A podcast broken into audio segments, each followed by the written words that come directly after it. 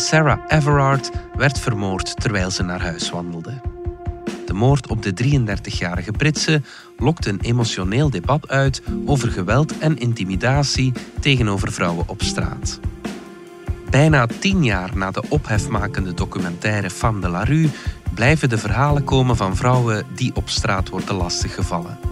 Is er dan echt niets veranderd? Het is donderdag 25 maart. Ik ben Alexander Lippenveld en dit is de podcast van de Standaard.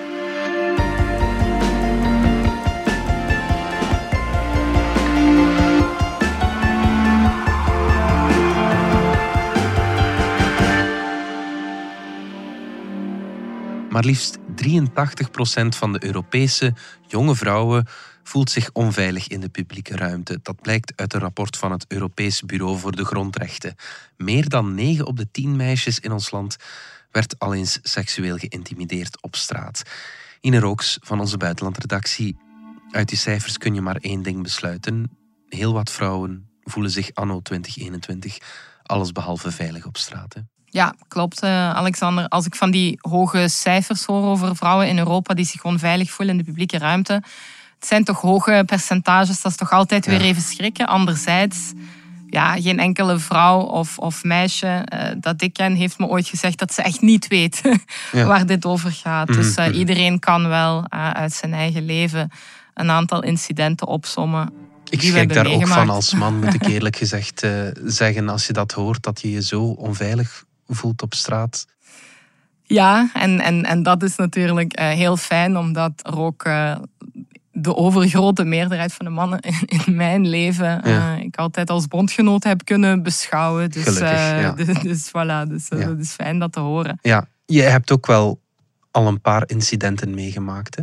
ja, ik kom professioneel natuurlijk op wel wat gevaarlijke plekken als buitenlandjournalist. Van, ik heb ooit jaren geleden een lange reportagereeks over verkrachtingen in Oost-Congo gedaan. Dus dat ging okay. heel, helemaal daarover. Maar ook in Egypte, in de marge van, uh, van de Tahrir-revolutie, was het als jonge vrouw wel oppassen ja. om hoe, hoe je je begeeft in die publieke ruimte. Maar in, in mijn persoonlijke ervaring, de incidenten in mijn jonge leven, die vonden allemaal wel in België plaats. Hoor. Een plaats waar ik ben opgegroeid. Dus uh, misschien is dat ook zo voor mijzelf een beetje een tweede natuur geworden. Ook als reporter, als journalist en als vrouw. Mm -hmm. Het is niet dat uh, wij vrouwen ons overal meteen erg onveilig voelen. Maar ik besef wel dat ik een situatie scan, uh, rondkijk, een omgeving scan. Ga je een demonstratie verslaan, zorg dat je niet ingesloten geraakt. Ja. Dat je weet waar er een vluchtweg is enzovoort. Dus het zou te maken hebben met de Zuiderse macho-cultuur of met Arabische vrouwonvriendelijkheid. Mm -hmm. Kan allemaal voorkomen, maar er is uh, bij mijn weten, en kijk je naar statistiek en studies, er is geen enkel land ter wereld dat kan pretenderen dat uh, het daar helemaal immuun voor is. And until we have a change in our culture that acknowledges and understands that women currently do not feel they are being heard, we will not fix this problem. And that is what we must do. We need a cultural and social change in attitudes to redress the balance, Mr. Speaker. And that is what I believe all politicians must now work together to achieve. We hoorden premier Boris Johnson in het Britse parlement pleiten voor een mentaliteitswijziging. In Groot-Brittannië Ine, woedt momenteel een heftig debat over seksuele intimidatie en geweld tegen vrouwen. Hoe komt dat?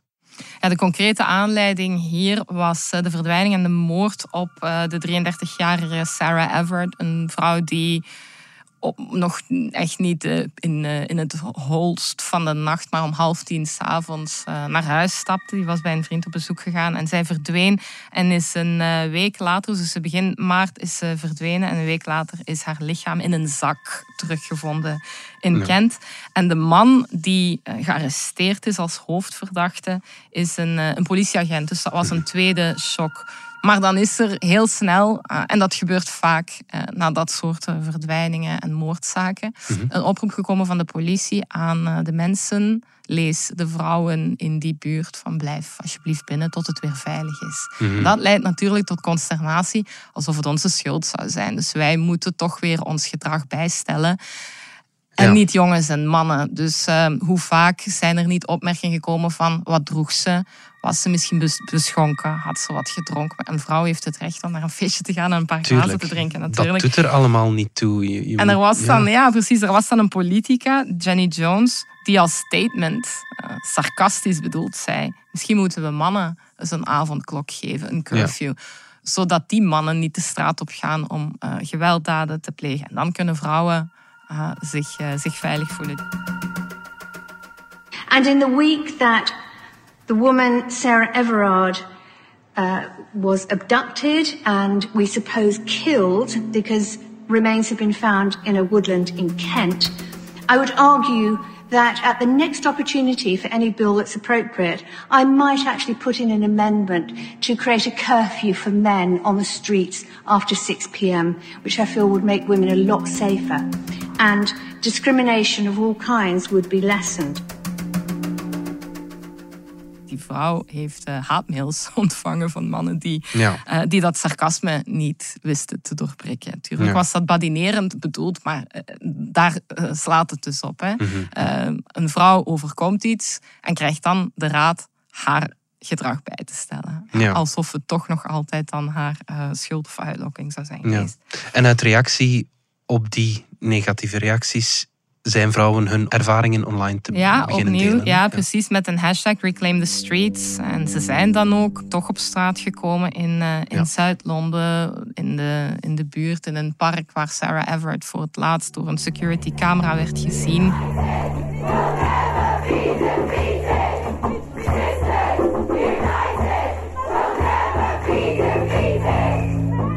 Ook Kate Middleton, de vrouw van eh, Prins William, is toen bloemen gaan, eh, gaan leggen voor Sarah Everard. Eh, als je die foto's bekijkt, zie je dat ze flink van slag is daarover. Uiteraard, ze heeft ook een dochter, ze heeft ook een zoon, et cetera. Dus het roert heel veel mensen. Ook in andere landen pikken vrouwen het niet meer dat ze worden lastiggevallen en seksueel geïntimideerd. In Australië was er ook zo'n grote betoging. Vele duizenden manifestanten kwamen op straat. Waarom is dat, leeft dat in Australië nu ook? ook? daar, het ging dan van grote steden als Canberra, Brisbane, Melbourne, Sydney, maar ook kleinere steden.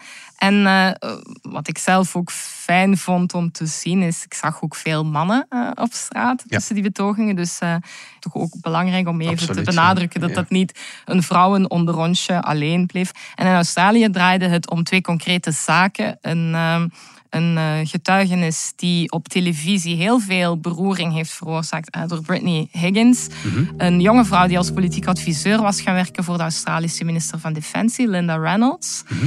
En zij is dan uh, met collega's, zoals een paar weken ver in haar droomjob, zei ze daar zelf over. En dan zijn ze op een avond, hadden ze een, een work-event. S'avonds zijn ze dan iets gaan drinken. En dan uh, is ze wat te tipsy geworden. En ze herinnert zich dat ze is wakker geworden in het kantoor van haar baas. The system is broken.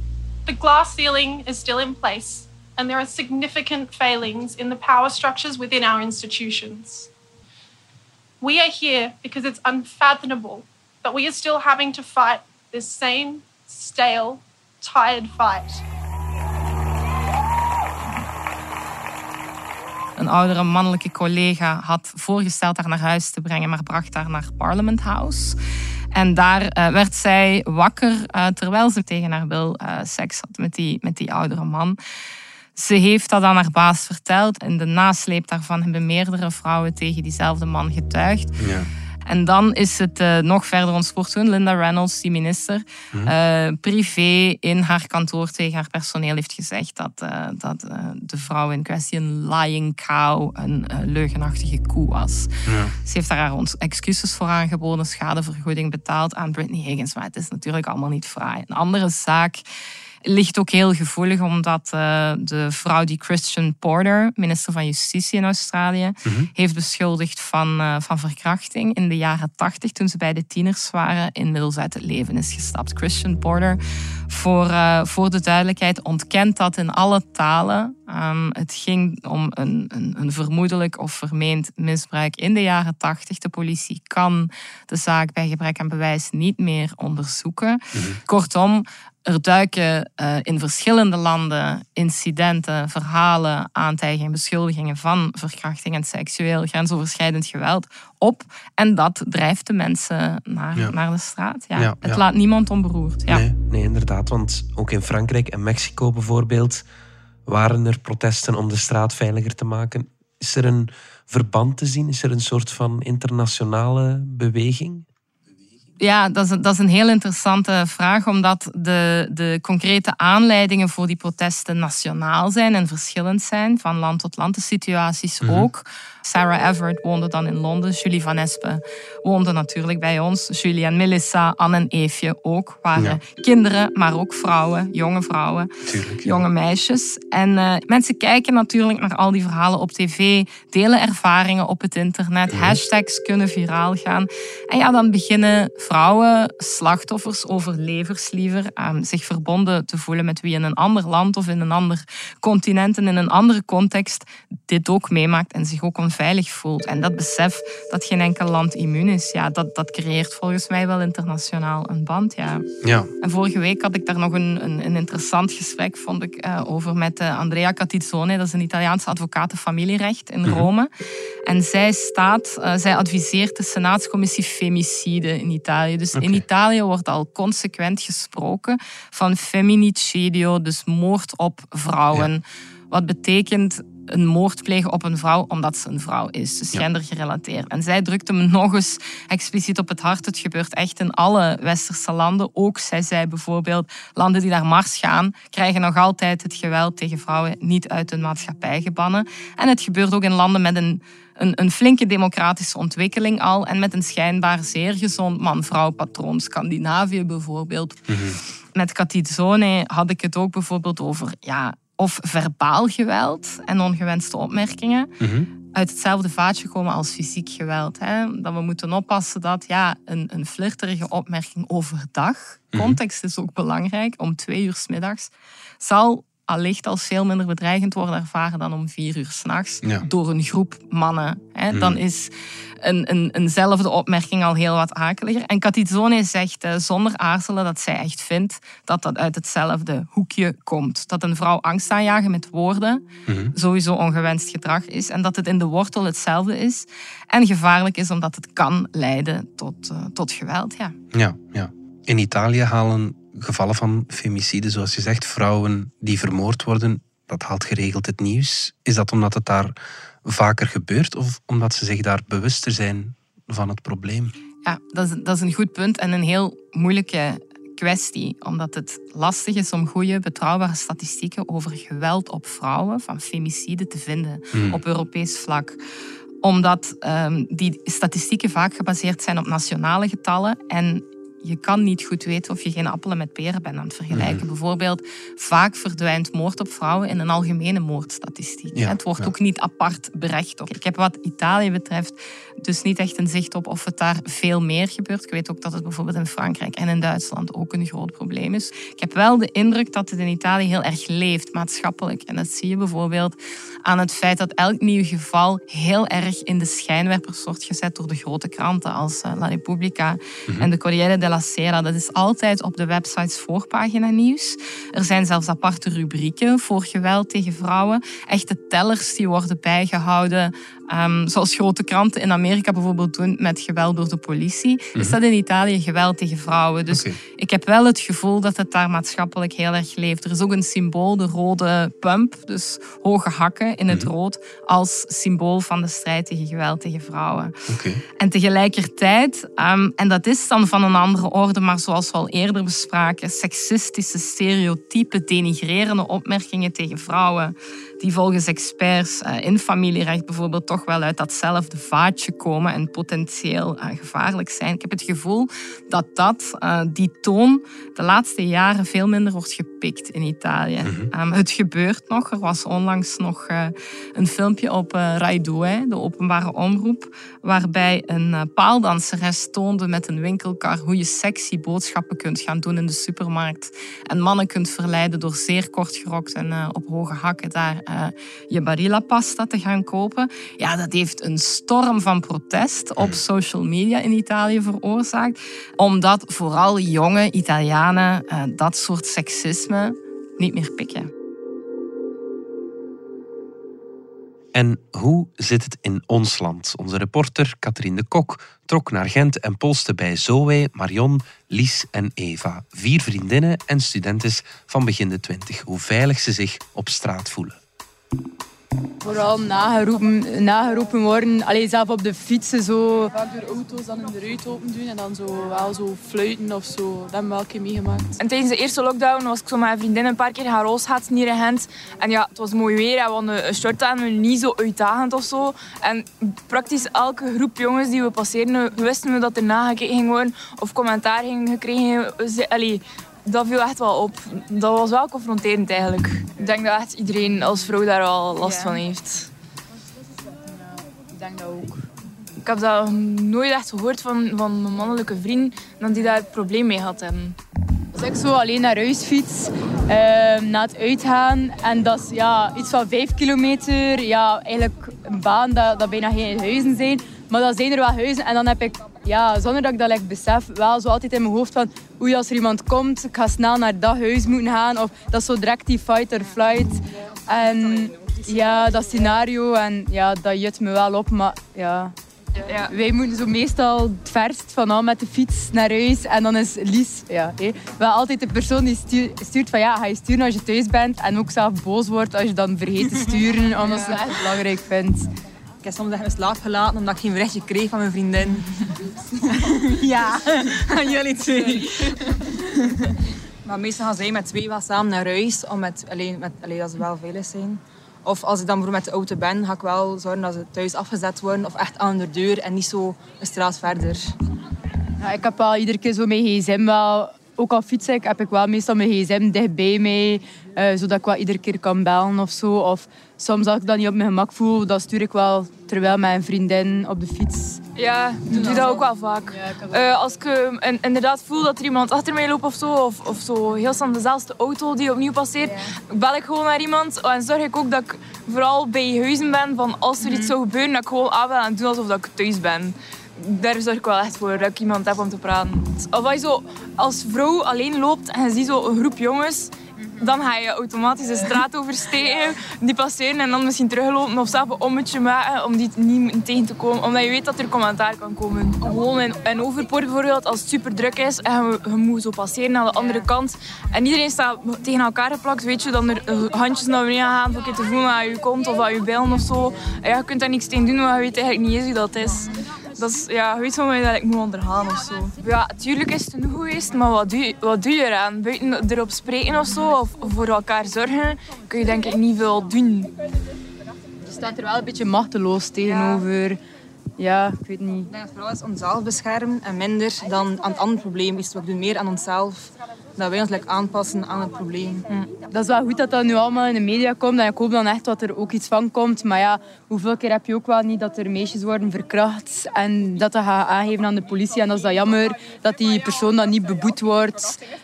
En ja, dan, dan is dat dus ook de zoveelste keer van ah ja, onze rechten of onze gevoelens doen er niet toe. Bijna tien jaar geleden trok Sophie Peters, toen filmstudenten aan het Rits, de straat op voor de documentaire Femme de la Rue. Met een verborgen camera filmde ze in de Brusselse wijk waar ze toen woonde de seksistische opmerkingen en het opdringerig gedrag van mannen waarmee ze dagelijks te maken had. Je suis de Bruxelles, mais ça dérange. Pardon? Pas non. Qu'on va boire un verre ensemble ou quoi Non, merci. Chez moi à la maison, bien sûr, pas dans un café. L'hôtel, le lit, tu connais direct. Vous comprenez pas Je veux pas. Sexy, tu me donnes envie, c'est normal, non Ouch, ouch. Alors, petit fait Petit fait fesses. Chienne. Salaud.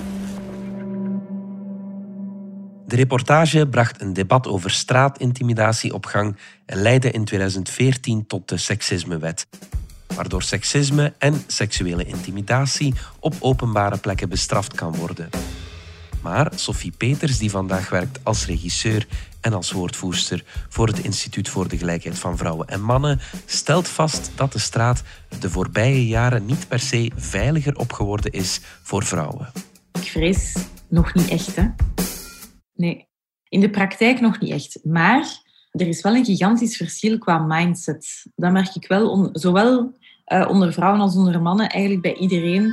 Ja, Van de La Rue is ondertussen meer dan acht jaar geleden uh, uitgezonden. En ik weet wel, toen ik met dat onderwerp kwam, hè, dat, was, dat moest je dan eerst voorstellen aan een jury van de school, want dat was dan mijn eindproject voor uh, de filmschool Rits, dat dat wel iets was waarvan zowel de juryleden als de studenten onderling zo wat zeiden van ja, is dat nu wel een onderwerp?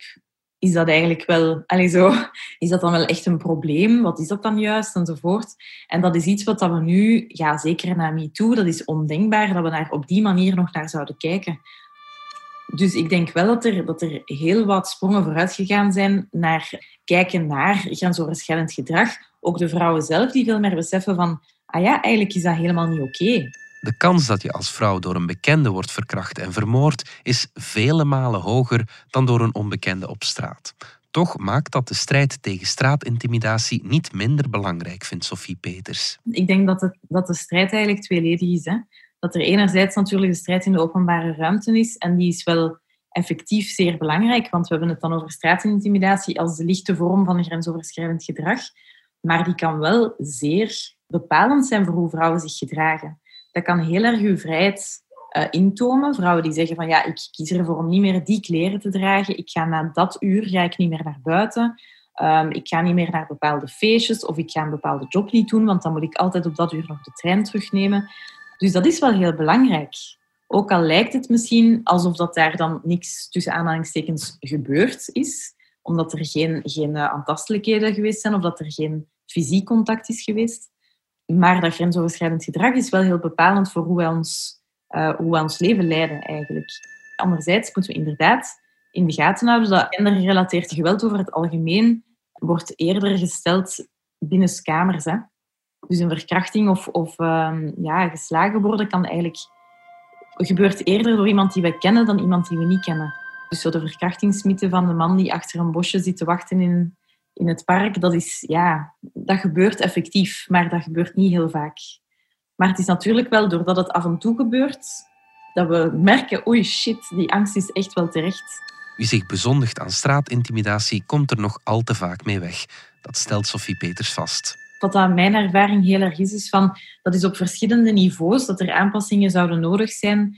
Ook bijvoorbeeld bij politie, hoe zij omgaan met straatintimidatie, grensoverschrijdend gedrag in het algemeen ook bij justitie, dus nog altijd maar 4% van de verkrachtingszaken waarin een dader effectief veroordeeld wordt. Dat is ongelooflijk laag. Hè? Dus er hangt een hele sfeer van straffeloosheid rond dat onderwerp um, van seksueel grensoverschrijdend gedrag.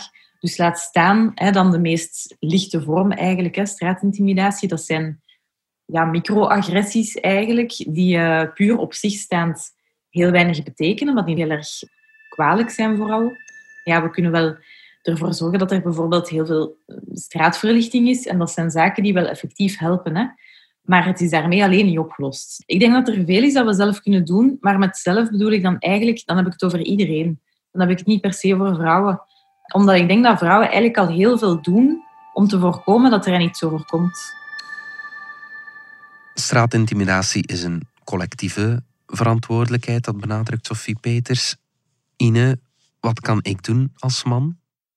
Als man en als vrouw denk ik dat we als we op straat rondlopen en het is avonds laat en wij zijn niet alleen en we zien een jonge vrouw ehm, in nood of die bang is of die angstig is, even vragen hoe gaat het, in de buurt blijven, haar geruststellen. Ook de manier waarop we erover praten toont hoe ernstig we iets nemen, bijvoorbeeld. Mhm. Words matter, woorden zijn belangrijk. we zeiden het eerder al, seksistische opmerkingen kunnen iemand angst aanjagen, kunnen leiden tot geweld.